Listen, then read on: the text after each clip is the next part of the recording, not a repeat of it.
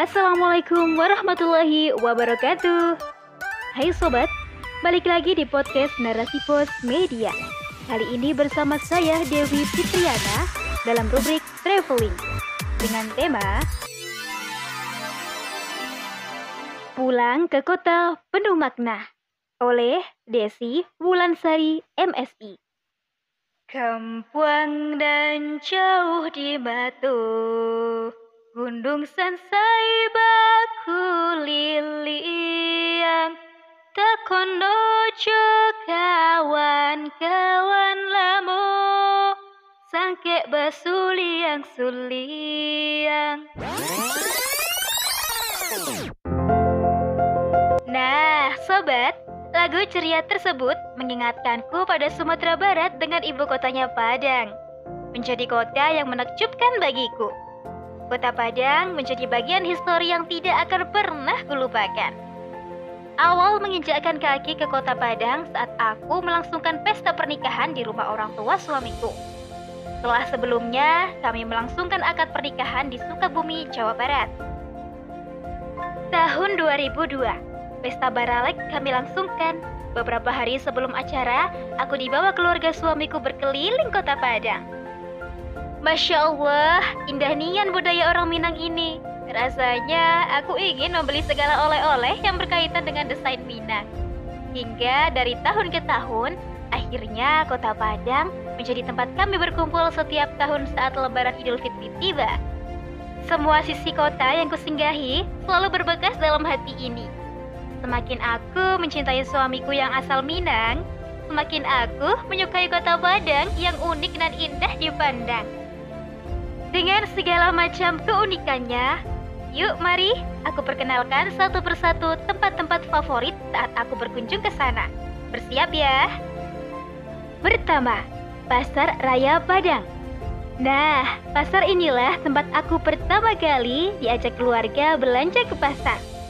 Pasar tradisional terbesar yang ada di kota Padang ini terletak di Kampung Jauh atau Kampung Jawa Padang Barat.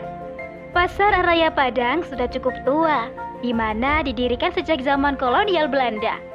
Pendiri pasar raya ini adalah seorang kapitan Cina bernama Li Sai.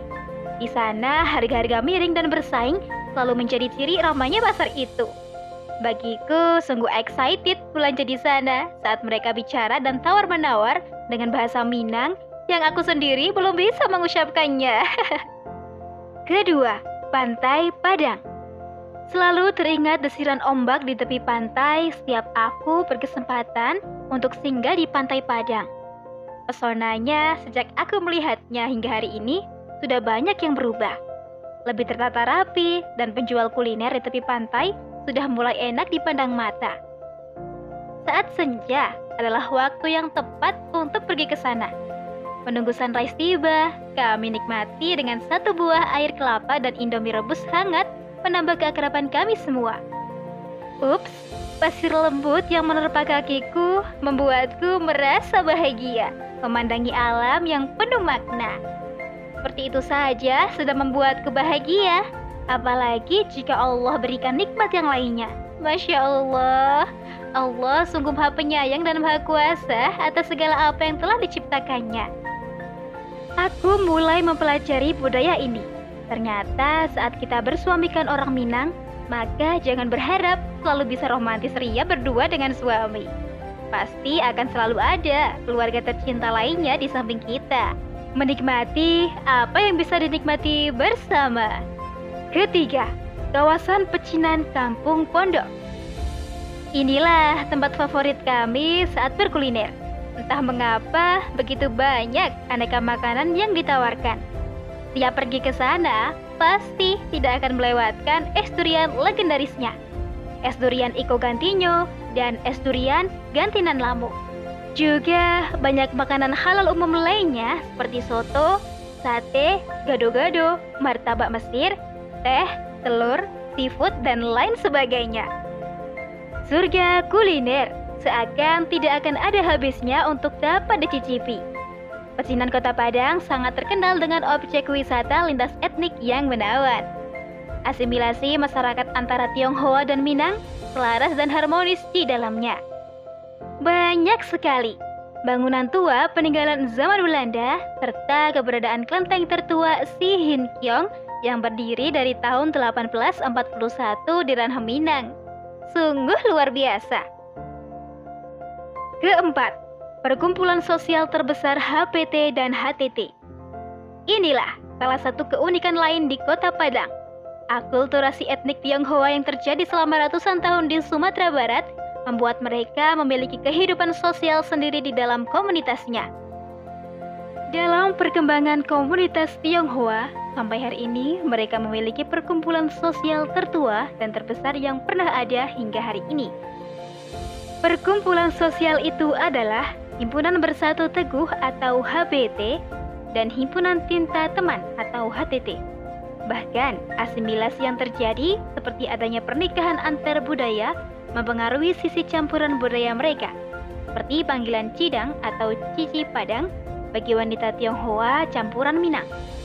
Bahasa yang disebut Minang Pondok juga menjadi hal yang unik. Sepertinya sangat menarik nih jika kita bisa lebih dalam menelusuri sejarah keberadaan kampung pondok ini. Wah, kapan ya? Kelima, Jembatan Siti Nurbaya. Aku semakin menikmati indahnya kota Padang. Sejuta makna yang menandai keindahan dan keunikan kota kekasihku ini.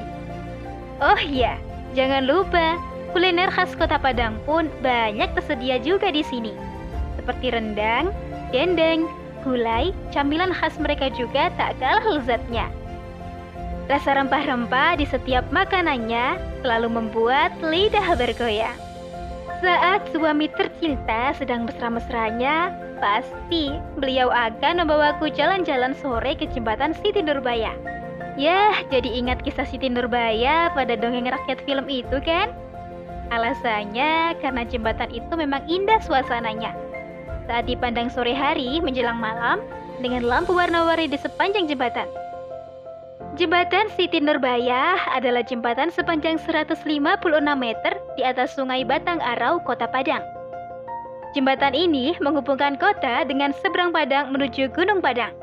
Pemandangan indah sunset pun juga terlihat di Gunung Padang. Masya Allah. Keenam, Masjid Raya Sumatera Barat.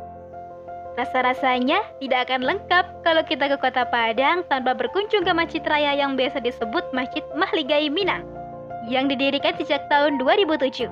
Sebagai umat muslim, tentu sangat bangga atas prestasi anak bangsa ini. Masjid dengan gaya arsitektur unik menghiasi jalan protokol kota Padang.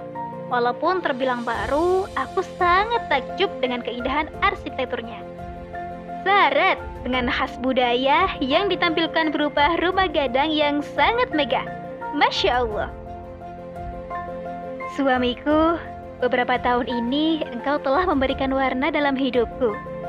Saat pulang ke kotamu, kota penuh makna yang akan selalu terkenang. Semoga indahnya kotamu bagaikan indahnya pernikahan kita.